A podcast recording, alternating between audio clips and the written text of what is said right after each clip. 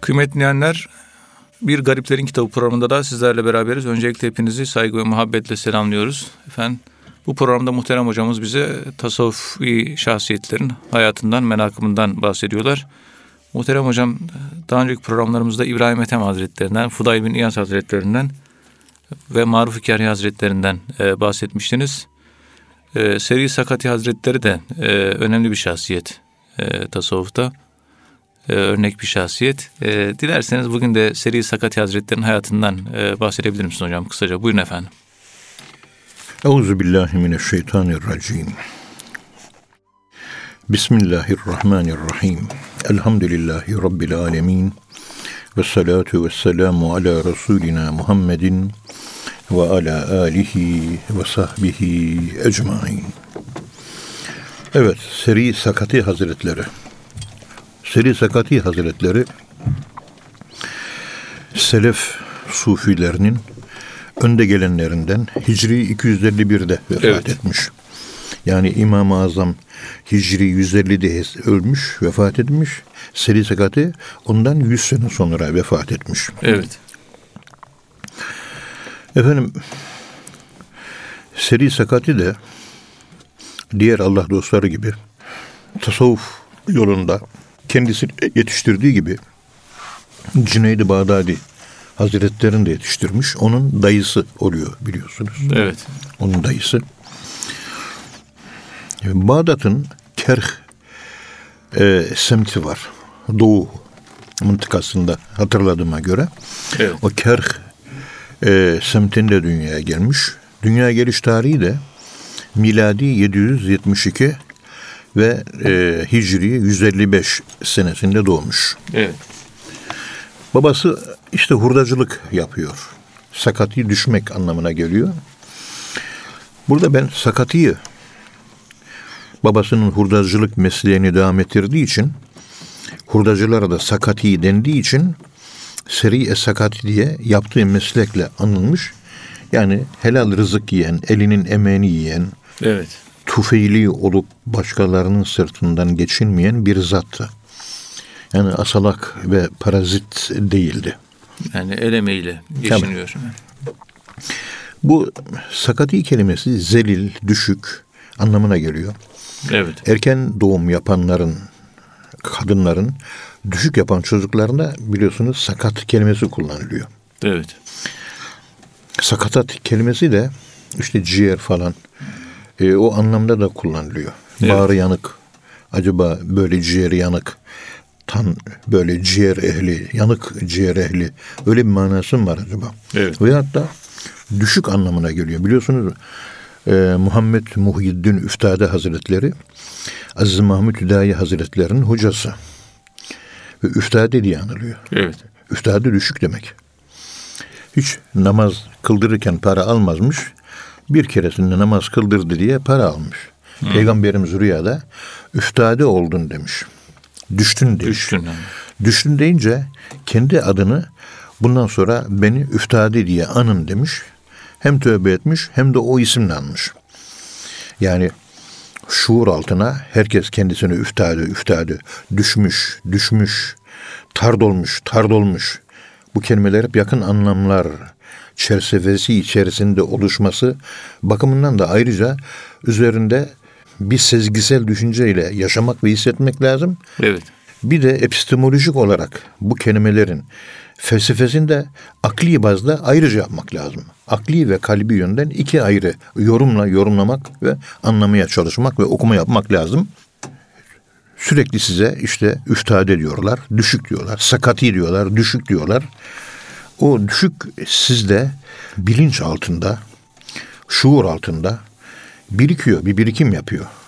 Evet. Ve şuur altında daima şuur altı bir yapıcı, bir yıkıcı arkeyle e, bir dönüşüm alanı, bir dönüşüm ortamı. Evet. Bunu işte Mevlana Hazretleri anlatıyor ya. Bir insanın kalbinde diyor iki ordu olur diyor. Ordulardan birisi cunud şeyatin diyor. Öbürü de cundullah diyor. Evet. Bir şeytanın orduları vardır. Cündü şeytan. Bir de cündullah, Allah'ın orduları var. Allah'ın ordusu var. Ve sürekli ikisi savaş halindedir. Sen bir mümin kul olarak, bir derviş olarak sen arzu edersen cündü şeytana yani şeytan ordularına lojistik destek sağlayabilirsin. Yaptığın kötü amellerle. Evet. Çünkü elem tere enna erselne şeyatine alel kafirine teuzzuhum ezza. İster günahkar olsun, ister kafir olsun fark etmez. Evet. Yanlış insanlara Allahü Teala Hazretleri şeytanları gönderir ve o şeytanlar onları sarsar. Eziyet verir. Eziyet verir, sıkıntı verir, iç basınç, depresyon bir süre sıkıntılar doğurur. Evet. Psikolojik hastalıkların çoğunun temelinde iç basıncın insan ruhuyla, nefsin ruhla savaştığı yerdeki mağlubiyetleri yatar. Tabi bu şeyh efendiler bunları biliyor. Ona göre cündü şeyatin zayıflasın diye cündullahı kuvvetlendirmek üzere lojistik destek, hizmet diyor. Evet. Dünyayı sevmemek. Efendime söyleyeyim namazı çok kılmak ve kendinden geçerek namaz kılmak, huşu ile namaz kılmak diyor. Geceleyin iki buçukta kalk zikir çek diyor.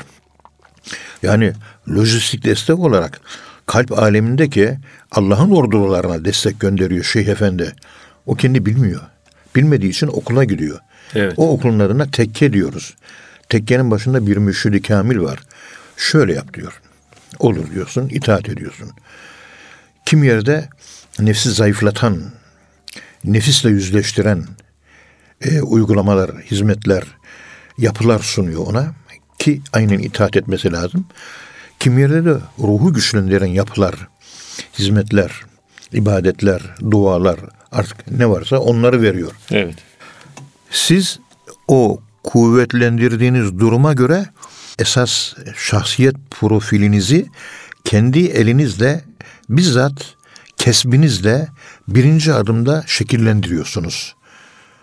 Evet. Yani o insanı kamil olmaya giden yolda ilk adım atıyorsunuz ve ondan sonraki tekamül oluşum prosesi yani süreci ondan sonra da Allah'a kalmış. Çünkü yehdillahu lümen yeşâ. Ve hatta kul innel fadle biyedillah yu'tihim men yeşâ. Ayet-i kerimesine göre sebeplerini siz hazırlıyorsunuz. Sebeplerini Evet. hazırlamış olduğunuz o sebeplerden sonra gelişimi, açılımı, derinliği Allah sağlıyor. Evet. Ama ilk açmak sizde. İlk açmak insan. Onun için tabii. Evet. Bir, e, senürihim ayatina fil afak. Afaktaki ayetleri görüyoruz. Afakta bir seyir var. O bizim kesbimizle alakalı. İç açılış da Allah'la alakalı. Dıştaki açılışı biz gerçekleştirirsek yani genişleme, genişliyoruz. Evet. Genişleyebildiğimiz kadarıyla ruhi derinlik ve o noktayı süveydaya giden tünel, o karanlık, Allah'a açılan yokluk, içlik, ölüm denen ve kalbimizde noktayı süveyda denilen ve Kur'an-ı Kerim'in indiği ve zikrin de vurulduğu yere yolculuk yaparsınız. Ve Evet. güç kazanırsınız. İşte sürekli sakati sakati denildiği zaman sürekli size üftade üftade üftade dendiği zaman yani Allah katında düşük değeri yok, kovulmuş, itibarsız, itibarını kaybetmiş bilinç altında bu cündullahı Allah ordusunu destekleyen, kışkırtan, güç ve kuvvet veren itekleyici motivasyon faktörü oluyor. Evet. Dikkat edin. Ama kendini bilen insan için, kendini bilmeyen bir insan için de, bir cahil, bir avam tabakası için de sen düşüksün, zellisin diye söylediğiniz zaman adama 40 gün deli dediğiniz zaman deli olur dendiği gibi sen düşüksün, düşüksün deyince avam tabakası dönüştüremediği için Evet. düşüksün sözünden ezilmeyi çıkarır ve ezilir. İşte endişeler başlar, anksiyeteler zuhur eder, obsesyonlar, takıntılar, Evet. depresyonlar, iç aleminde fırtınalar, o izah edemediği bir takım iç haller, sıkıntılar, korkunç rüyalar yaşamaya başlar.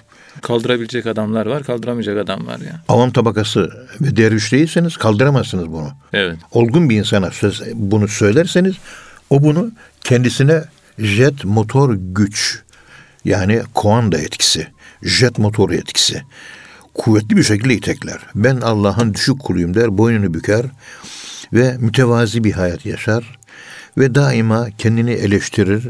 Allah önünde kendini küçük görür. Siz Allah'ın önünde kendinizi ne kadar küçük görürseniz küçük gördüğünüz kadarıyla Allah yükseltirsiniz.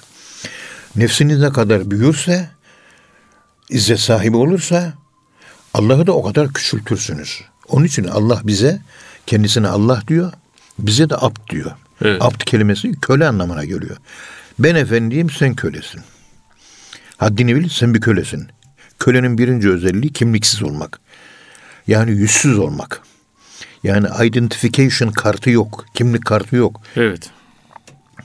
Sonu bu yolun hiçlik makamı. İşte kulluk orada başlıyor. İşte şuur altında bir sakati denmesi seri sakati hazretlerini nasıl yapılandırdı? Ve sakati kelimesi hakikaten hurdacı olduğu için verildi? Yoksa Muhammed Muhyiddin Üftade Hazretlerinin yaşamış olduğu o içsel manevi maceradan, aventür, olay, maceradan sonra kendisine rüyada Peygamberimiz tarafından üftade denmesi ve ömür boyu da bunun isim seçmesi ve o, o ismin itekleyici faktörü altında velayet makamlarında derece alması gibi Evet. bir olay acaba üftade kelimesinin karşılığı Arapçada sakati kelimesi. Evet. Dikkat edin. Acaba o üftade hazretlerinde görmüş olduğumuz tablo ile seri sakatindeki sakati kelimesindeki tablo aynı tablo olabilir mi diye ister istemez kendi kafamda bir e, mukayese yapma ihtiyacı hissettiğim için bu açıklamayı yaptım. Eskiden mesela bazı Sufiye'nin büyükleri Hasan-ı Basri mi olacak birisi mübarek zat bir günah işlediği zaman şu yakasına yazıyor. Yaka büyük tabi. Orada okuyor. Falanca gün yalan söyledim diyor. Falanca tarihte dedikodu yapmıştım diyor. Yazıyor. Kendi kitabını kendi yazıyor. Tabi yazıyor ve her gün onu okuyor. Yani kendi hatasını, yanlışını her gün okuyor ve okuduğu için bir teyakkuz durumuna geçiyor bilinçaltı. Evet. Savunma durumuna geçiyor. Mevlana'nın dediği gibi iyilerin, meleklerin ordusuyla şeytanların ordusu. Hepimizin bilinçaltında var. Savaş halindeyiz. Sürekli savaş halinde. Bunlara ibadetlerle lojistik, lojistik güç, lojistik destek, silah yardımı, cephane yardımı besleyeceksin.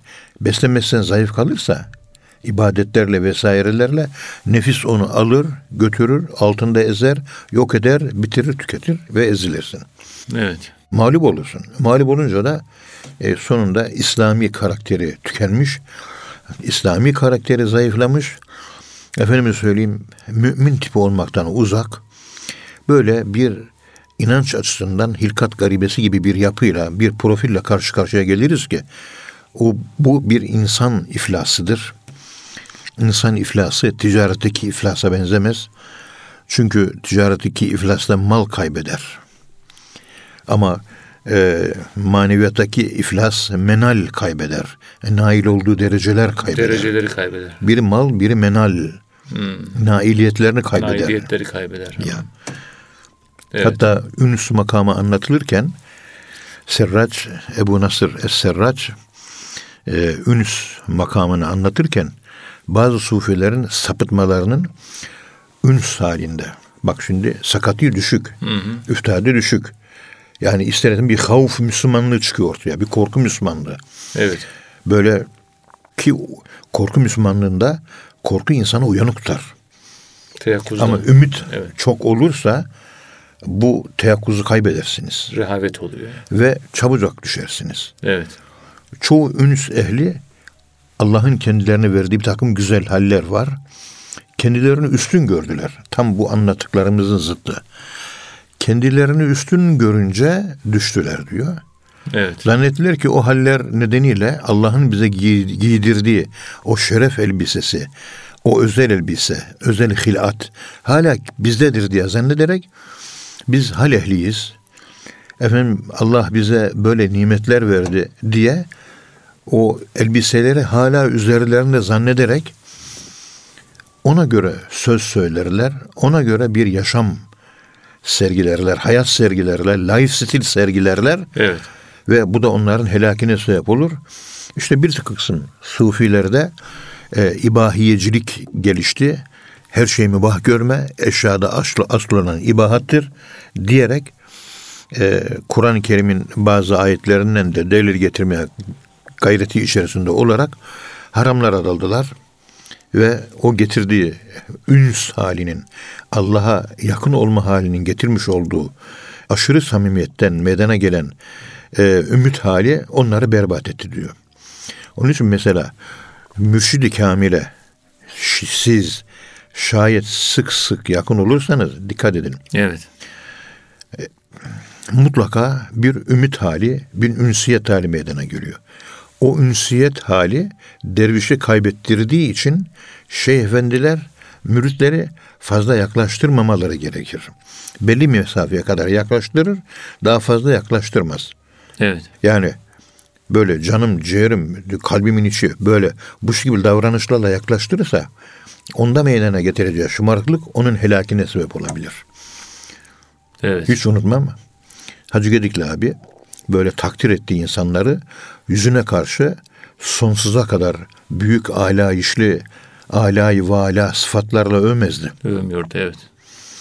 Mürşid-i Kamilimiz, Mübarek Osman Efendimiz ve diğerleri onlar da böyleydi. Evet. Çünkü aşırı övdüğünüz zaman helakine sebep olursunuz. Kendine benlik gelir. Doğru. Medine-i Münevvere'deyiz. Dedi ki bak dedi ben Mürşid-i Kamil'imle çekildiğim bir fotoğraf var. Baktım gayet samimi bir poz. Hoşuma da gitti güzel. Ama o fotoğrafı herkese gösteriyor. Ha.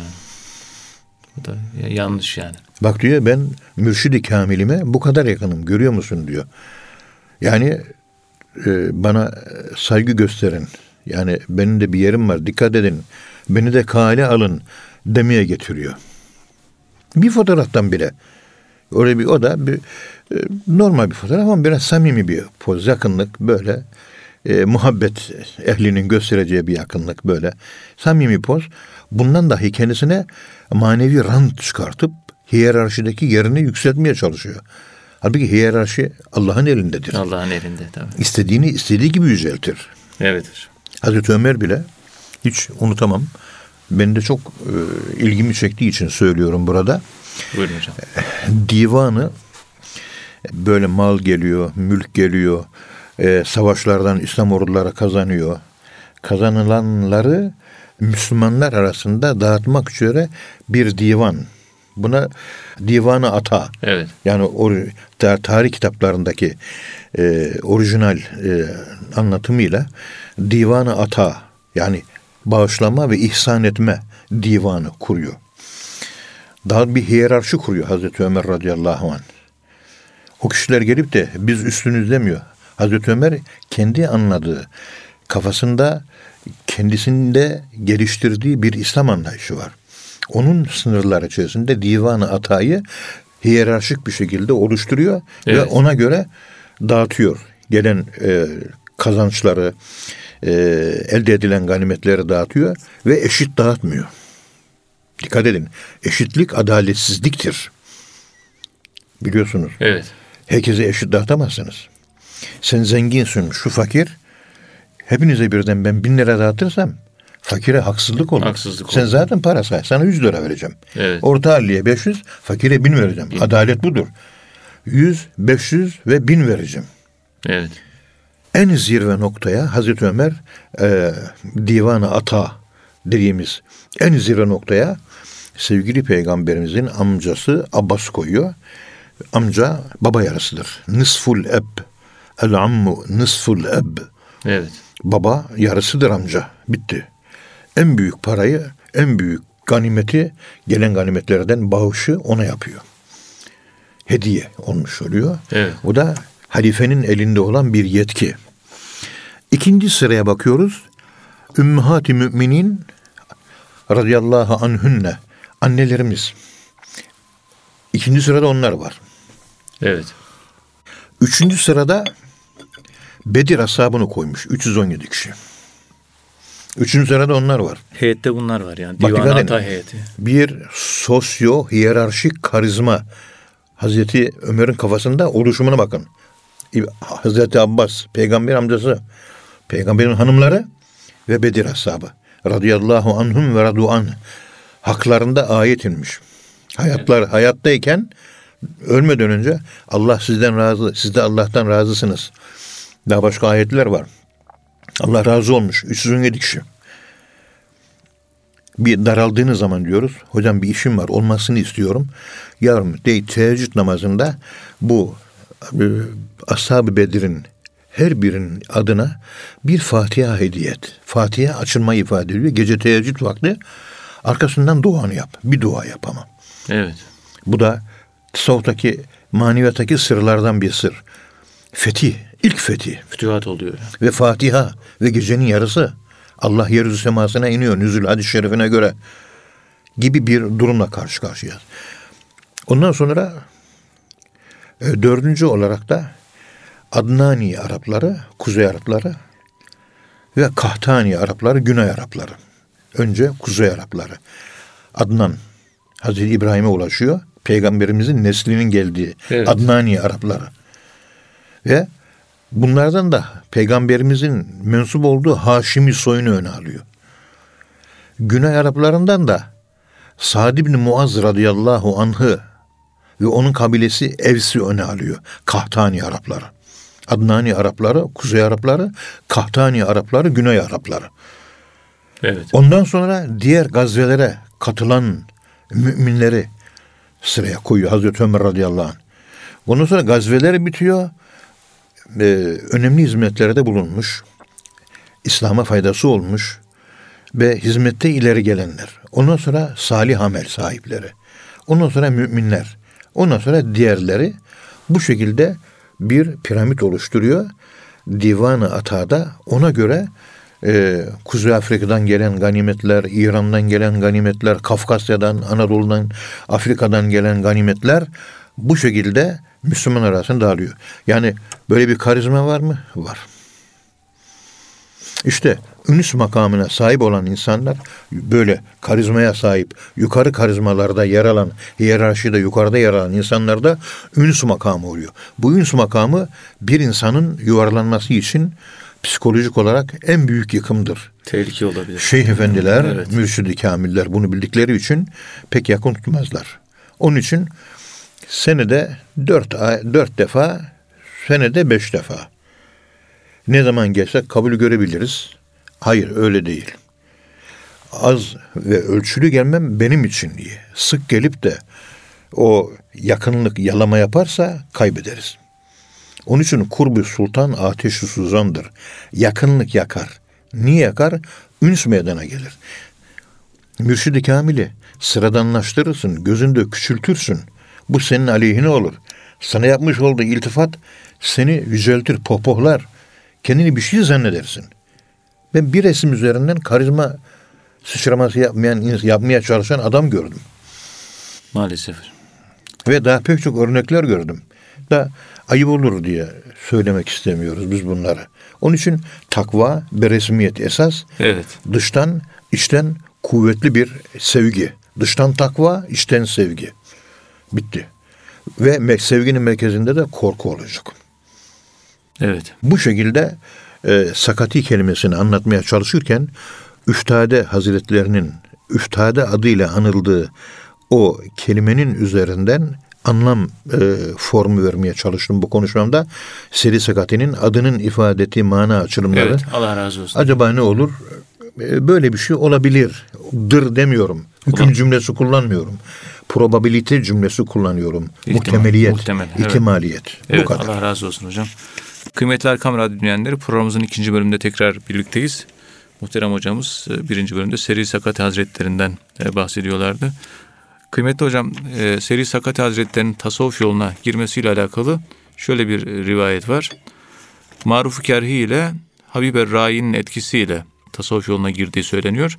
Maruf-u Kerhi yanında yetim bir çocukla Seri Sakati'nin dükkanına geliyor. Ondan çocuğu giydirmesini istiyor isteği yerine getiren Seri Sakati Maruf Kari'den aldığı duanın bereketiyle bu tasavvuf yoluna girmiştir deniliyor. Bu şekilde bir rivayet var. Dilerseniz bunu açarak devam edebiliriz hocam. Yani Seri Sakati Hazretleri'nin tasavvuf yoluna girmesi Maruf Kari Hazretleri'nin duasının bereketiyle bir başka rivayet daha var. Dilerseniz buradan devam edebiliriz muhterem hocam. Buyurun efendim. Euzu billahi mineşşeytanirracim. Bismillahirrahmanirrahim. Elhamdülillahi rabbil alamin. Ve salatu ve selamu ala Resulina Muhammedin ve ala alihi ve sahbihi ecmain. Ve bihi nesta'in. Efendim maneviyat yoluna girmek nasıl bir şeydir. Nasip. Ve her zaman bir ayet-i kerime var. O ayet-i kerimedeki bir oran var. Ben ona altın oran diyorum. Kozmik altın oran. Evet. Bir mümin on kafir donanımında olacak. Yani onlu bir birikim varsa on onlu içinden hakiki ve ciddi Müslüman bir tane çıkar. Onda bir. Tabii. Evet. Yani sabırlı yüz kişi bin tane kafiri tepelesin mesela. On tane Müslüman yüz tane kafiri tepelesin. Yani bir Müslüman on kafir donanımında olacak. Sahabe biz bunu kaldıramayız demişler. Kolay değil. Evet. Ve Allahü Teala haffefe bunu hafifletti. Biraz daha hafiflet. Mi'etun sabiratun yaglibu mi'eteyni. Yüz tane sabırlı mümin 200 kafiri tepeler, yener, galip gelir, mağlup eder. Evet. Bu ayet iniyor. Bunun manası da bir mümin iki kafir donanımında olacak anlamına gelir.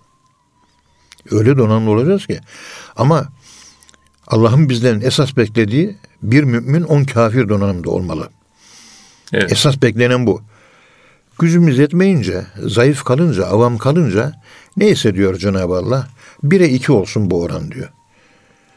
Şu anda dört tane mümin zihin donanımı, anlayış, zekavet, dünyayı, hayatı, dünyayı okuma, hayatı okuyamıyorlar da, kafirin teknolojik fen bilgisi bakımından ele aldığımızda dört tane, beş tane Müslüman bir kafire ancak denk geliyor. Onun için yeniliyoruz biz. Yani Evet. donanım deyince sırf iman donanımı değil. Yani kılıç kullanmayı da bileceksin. İlim de bileceksin. İrfan da olacak. Hizmet de olacak. Akıl da olacak. Aklı kullanma da olacak. Rüşt de olacak. Evet. Hani Sezai Karakoç Avrupa'ya gidip de geldiğinde ne demişti? İşleri dinimiz gibi, dinleri işimiz gibi demişti. Onu Evet. anlatmaya çalışıyorum burada. Yanlış anlaşılmasın da. Estağfurullah. Yoksa bir mümin bütün dünya kafirlerine bedeldir. İşin aslı bu. Ama donanım diyoruz. Donanım Evet. İman biliyoruz. İman açısından bir mümin dünyaya bedel. O ayrı bir şey. Onun dışında bilgi birikimi yok. Bakıyorsun mümin dedikodu yapıyor. Mümin yalan söylüyor. Bakıyorsun müminde ahlak yok. Mümin yiyicilik yapıyor. Mümin sahtekarlık yapıyor. Müminde işte düşmanlık var. Düş- Müminde hırsızlık var. Müminde sahte her türlü bir şey var. Ya donanımsız. Donanımsız evet. İşte bunu ben anlatmaya çalışıyorum. Böyle 10 kişide bir kişi ancak tasavvuftan nasibini alır. Çünkü bir piramit varsa hiyerarşi maneviyatta o en tepede yüzde birlik bir kısım var. Onların hepsi ricaldir. Yani oralara e, sen ben hiçbirimiz çıkamayız. Ama o yüzde doksan, yüzde doksan dokuz arasındaki yüzde onluk bir dilim var ya Evet. oraya kesbimizle girebiliriz. Zor bir şey değil. Ama yine de nasıl bir şeydir bu? O da nasip. O da yani. ayrı bir şey. Nasip eder, olur, etmez olmaz. Olmazsa. Kul innel fadle biyedillah yu'tihi men yeşâ vallahu zil fadlil azim ayet kerimesine göre konuşuyorum ben bunu. Evet. Fazilet yani e, karizma inşasını Allah Kur'an'da bizzat kendi yapıyor. Mübarek gecelerden bahsediyor. Mübarek yerlerden ve günlerden mübarek günlerden Evet. ve mübarek şahıslardan bahsediyor. İşte bunları hep düşünmek lazım ve çok geniş düşünmek lazım. Ve yanlış da anlamamak lazım, yanlış da yorumlamamak lazım. Evet. Dolayısıyla mesela bir talebe yurdumuz var. Diyoruz ki bu talebe yurdunda efendim söyleyeyim e, bir gençler toparlansınlar da e, mahallenin çocuklarına Kur'an öğretsinler. İşte kendileri yetişsinler. E, Kızılay'da efendime söyleyeyim bir konferansların bazıları var faydalı onlara katılsınlar. Evet. Bu gençlere şu şu kitapları okutturalım. Efendim söyleyeyim bazen arada bir sosyal aktivite dediğimiz hizmetler var. STK söz konusu çünkü. Fakirlere yardım taşıyacaklar vesaire. İngilizce bilen fakir çocuklara bedava İngilizce dersi verecek, bedava matematik dersi verecek. Böyle talebe seçiyoruz. 100 kişilik yurtta 10 kişi çıkıyor. 90'ı Fasarya. Merak ettim. Böyle başka e, gruplara mensup arkadaşlarımız var. Ya bizde böyle bir şey var. Sizde nasıl? Yani 100 kişi varsa 90, 90'ı gidiyor. 10 kişi kalıyor elimize. Yıllardan evet. beri böyle hala da böyle. Onda bir yani. Onda bir kalıyor. Allah'ın hikmeti. Evet. Kur'an'da da anlatılan zaten bu. Bu anlatılmak isteniyor. Daha sonra okuduk tarih felsefesini yazan Brownie diye bir zat var. Tarih felsefecisi. Evet. Savaşanlar bir ordunun onda biridir diyor. Onda dokuzu savaşıyormuş gibi yapar. Bu savaşlarda değişmez bir kuralmış. Onda bir şey. Onda ikisi eğer savaşırsa o zaman galip geliyor. Sahabe ordusunun yüzde yüzü savaştı. Bütün orduları yendi sahabe ordusu. Sayılar azdı ama yendiler. Azdı. Hepsi evet. savaşıyordu çünkü. Evet. Meğer genelde ordular savaşırken onda dokuzu savaşıyormuş gibi yaparmış. Onda biri. Onda biri savaşırmış. Bu onda yüzde onu artıran insanlar, özel birlikler, özel harekat birlikleri ne kadar böyle gelişmiş olursa esas savaş onlarla kazanılır. Evet. İşte diğerlerine sordum. Durum bizde aynı dedi. Ondan sonra diğer başka arkadaşlara gittik. Ya böyle bir durumla karşılaşıyoruz biz. Bak orada da böyle dediler. 10 kişi de bir tane talebe. Yani aynı eğitim veriyoruz. Vermemize rağmen bir kişi alıyor, dokuz kişi alamıyor. Demek ki Allah tarafından seçim bu oluyor. Herkese nasip olmuyor. Evet. Aynı veriyor eğitim, aynı sohbet ediliyor. Aynı hizmete koşturuyorsunuz. En sonunda elinize hizmet için kalan 10 kişi de bir kişi oluyor. Onda bir, evet. Yani şöyle böyle 1900 kaç senesi 1966 senesinden beri bunun içerisindeyim. Böyle bir hizmetin içerisindeyim. Yıllardan beri insan yetiştirmeye çalışıyoruz. Evet. Devletine bağlı, milletine bağlı. Allah razı olsun. Kanunlarına saygılı, dindar, rabıtalı, efendi, terbiyeli, efendim söyleyeyim, ideal gençleri yetiştirmeye çalışıyoruz. Hep bu onda bir oranı çıktı geldi. Tecrübe yani. Ve hangi gruplara girip sorduysam onda biri onlar da öyle söylediler. On kişide bir kişi. Evet. O Talut ordusu savaşmadan önce kendi ordusunu bir sınavdan geçiriyor biliyorsunuz. Evet. Ve sınavdan geçirince 100 kişi de bir kişi sınava geçmiş. Yahudi çünkü. 100 kişi de birisi muvaffak oluyor nefis savaşında. 35 bin ordu var veya 40 bin. Bakıyorsun e, yüzde biri 320 Bedir ashabı sayısı kadar nehrin öbür tarafına adam geçebilmiş. Femen şeribe minhu feleyse minni. İlla men igterefe gurfeten biyedihi. Susadınız biliyorum ama bir avuç su içeceksiniz. Karşıya geçin. Dayanamaz da ikinci avuç suyu içerseniz karşıya geçmeyin. Zaaftır diyor. Nefisleriyle yüzleştiriyor. Yenilenler, mağlup olanlar geride kalıyor. Geride kalıyor. Ordunun yüzde 99'u geri kalıyor. Esas savaşacak yüzde bir öne geçiyor. O yüzde 99 kaçacak grup baştan eleniyor. Arkada bırakılıyor. Savaşacak olanlar da baştan başa konuluyor. Fehezemuhum bi iznillah vallahu ma'as sabirin. Ve katele Davudu Calute ve atahullahul mülke vel hikmete ve allemehu mimma yeşâ. Ve Davut Calut'u öldürdü. Allah'ın izniyle o orduda 65 bin kişilik, 70 bin kişilik o Golyat'ın, Calut'un ordularını yendi. yendi. Calut da öldürüldü. Evet. İşte burada Marif-i Kerhi'den bir dua aldı. Marif-i Kerhi kim bilir kaç kişiye dua etti. Yüz kişiye dua etti. On kişiye vurdu. O kadar. Çünkü nasip meselesi. Dua etmesi bize düşüyor. Kabul ile Allah'a ait bir şey. Allah'ın yerine oturup da Allah'lık yapmanın ve Allah'lık taslamanın da bir alemi yok. Yani haddimizi bilmeliyiz. Allah'ın aciz kullarıyız. Yığınla elimden talebe geçti. fakir. Her zaman söylüyorum böyle bir artı eksi bin, yedi bin tane talebe geçti 50 yılda. Bu yedi bin talebeden yani etrafıma bakıyorum şöyle ne kadar kalmış elde? Bine yakın talebe kalmış. Elhamdülillah. Evet. Cep telefonunda da hep ararız. 1500 e, tane telefonumda isim vardır. Hep talebelerim. Hepsinin derdini dinlerim. Evet. Hepsinin yardımına koşmaya çalışıyorum. Allah razı olsun. Kendi aktivitem vardır. Hepsini maneviyat yoluna yönlendiririm. Hepsi mürşidi kamile gitsin diye gayret ederim. Ona göre kitap okuttururum. Ona göre insanlarla tanıştırırım. Hepsi birbirleriyle görüşürler, birbirleriyle huzur bulurlar. Başka insanlardan böyle manevi, maddiyat ehli insanlardan huzur bulamıyorlar. Evet. Maneviyatı vermeye çalıştık. Biz de o maneviyatı vermedik. Bizim sahibimizin bize verdiği maneviyatı verdik. O da daha yukarıdan gelen maneviyatı bize vermişti. Evet. Bunu Allah. biraz da şuna benzetiyorum ben.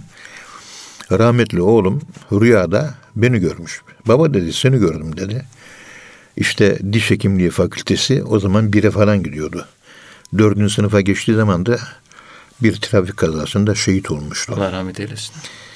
Dedi ki baba dedi rüyamda ben senin etrafında dönüyorum dedi. E dedim sen de dedi Hacı Gedikli abinin etrafında dönüyorsun dedi. Bitti mi? Yok bitmedi dedi. Hacı Gedikli abi de Musa Topbaş Efendimizin etrafında dönüyordu dedi. Bitti mi? Yok dedi. Musa Topbaş Efendimiz de rüyada Hazreti Muhammed Mustafa sallallahu aleyhi ve sellem Efendimizin etrafında dönüyordu dedi. Evet. Peki peygamberimiz dönüyor mu? O da dedi Allah'ın etrafında dönüyor dedi. Ya biz aktarıyoruz değil mi? Merkezdeki silsile meratibe göre gelen maneviyat neyse onu aktarıyoruz. Biz sadece hani şu kablo var ya kabloluk vazifesi yapıyoruz. Aktarım o kadar. Elektriğin geldiği yer, merkezi gücü, kuvveti onlardan bizim haberimiz yok. Sadece aşk ile, muhabbetle konuşuyoruz. Gönlümüzde ne istiyorsa ona göre yelken açıyoruz. Allahü Teala istediğini hide ve malena illel belagul mübin bize düşen güzel bir anlatım. Güzel bir anlatım. Allah razı olsun. Hiç unutmuyorum. Okuyorum da Hakem bin Adi radıyallahu an Müslüman nasıl olmuş biliyor musunuz? Buyurun hocam. Peygamberimiz sallallahu aleyhi ve sellem Efendimiz Mekke'de işte hatta Medine'de mi tam hatırlayamıyorum şimdi kafam artık ihtiyarladım eskisi gibi çalışmıyor. Hakem bin Adi konuşuyor Peygamberimiz sallallahu aleyhi ve sellem. İslamiyet böyle iyidir. İslamiyet şöyle iyidir. İslamiyet'te işte kadın erkek hakları bunlar. Allah var. Putperestlik yok. Allah'a ortak koşmak yok. İnsanın kendini bilmesi, kendini tanıması var. İşte İslam dininde ahlak var, güzellikler var, doğruluk var, adalet var. O da biraz direniş gösteriyor. Hazreti Ömer de kenarda dinliyor. Evet. Peygamberimiz o kadar tatlı anlatıyor ki Hazreti Ömer kendinden geçiyor. Bu kadar anlatmaya dayanamaması ve Hakem bin Adi'nin artık Müslüman olması lazım. Dayanamıyor. Hazreti Ömer radıyallahu anh sinirli bir şekilde celalli kılıcını çekiyor, yakasından tutuyor, kaldırıyor, kellesini uçuracak. Ya Resulallah kellesini uçuracağım onu diyor. Peygamber aman yapma diyor. Yoksa ebedi kafir olur diyor. Yani zorlukla, kılıç zoruyla Müslüman yaparsan diyor. Evet. Hem İslam'a girme, girmediği gibi düşman olur ve o hal üzere ölür. Senin yüzünden ebedi kafir olur diyor. Hazreti Ömer korkuyor. Kenara çekiliyor. Gidiyor uzaklaşıyor. Peygamberim iki saat daha uğraşmış. Bir hatta bir saat daha uğraşmış. Hakem bin Adi aklım yattı bu işe diyor. Gönlüm de yattı diyor. Müslüman oluyor. Evet. Ve Peygamberimiz Hazreti Ömer'e diyor. Ve ey Ömer diyor. Senin o hareketin diyor. Onda öyle bir ters etki meydana getirirdi ki senin hareketin yüzünden Müslüman olmaz. Senin yüzünden cehenneme giderdi diyor. Allah Peygamberimizin korusun. vefatından sonra Hazreti Ömer radıyallahu anh Hakem bin Adi'yi gördüğünde ey Hakem az kalsın senin ebedi cehenneme gitmene ben vesile olacaktım. Hala o günleri hatırlıyorum ve utanıyorum diyor. Onun için karşıdaki davran karşıdaki insanı davranışınızla İslamiyet'ten soğutursanız onun katili olursunuz. Bu tür katilliklerden de hesaba çekileceğimize dair hadisler var. Hatta ayetler telmihen mevcut ve var. Evet. İnsanları bu şekilde e, yani irrite ederek, itekleyerek, ezerek, şahsiyetini yok ederek eğer siz İslam'ı temsil ediyor gözüküyorsanız, yumuşaklık değil de sertlikle soğutuyorsanız ve bir daha da sizin yüzünüzden İslam'a dönüp de bakmayacaksa ve o yüzden de cehenneme girecekse bu adamı niye öldürdün? diye bu gibi dinden imandan soğuttuğumuz insanların katili olarak ahirette manevi katiller şeklinde hesaba çekileceğiz. Yani vebali ağır yani. Vebali çok ağır. Onun için davranışlarımıza, konuşmalarımıza dikkat etmemiz lazım. Evet. Ee, tebliğ davranışları, tebliğ bakışları, tebliğ duyuşları, tebliğ dokunuşları ve tokalaşmaları, tebliğ kucaklamaları, tebliğ konuşmaları ve tebliğ ruhu ve tebliğ duaları. Bunların hepsinin yapılması lazım. İcabında tatlı bir bakışta bakıyorsun. Tebliğ. O da bir tebliğ. Bir profesör arkadaşım vardı. Bundan işte 10 sene önce 2006 mı 2007 senesiydi. Getirdik.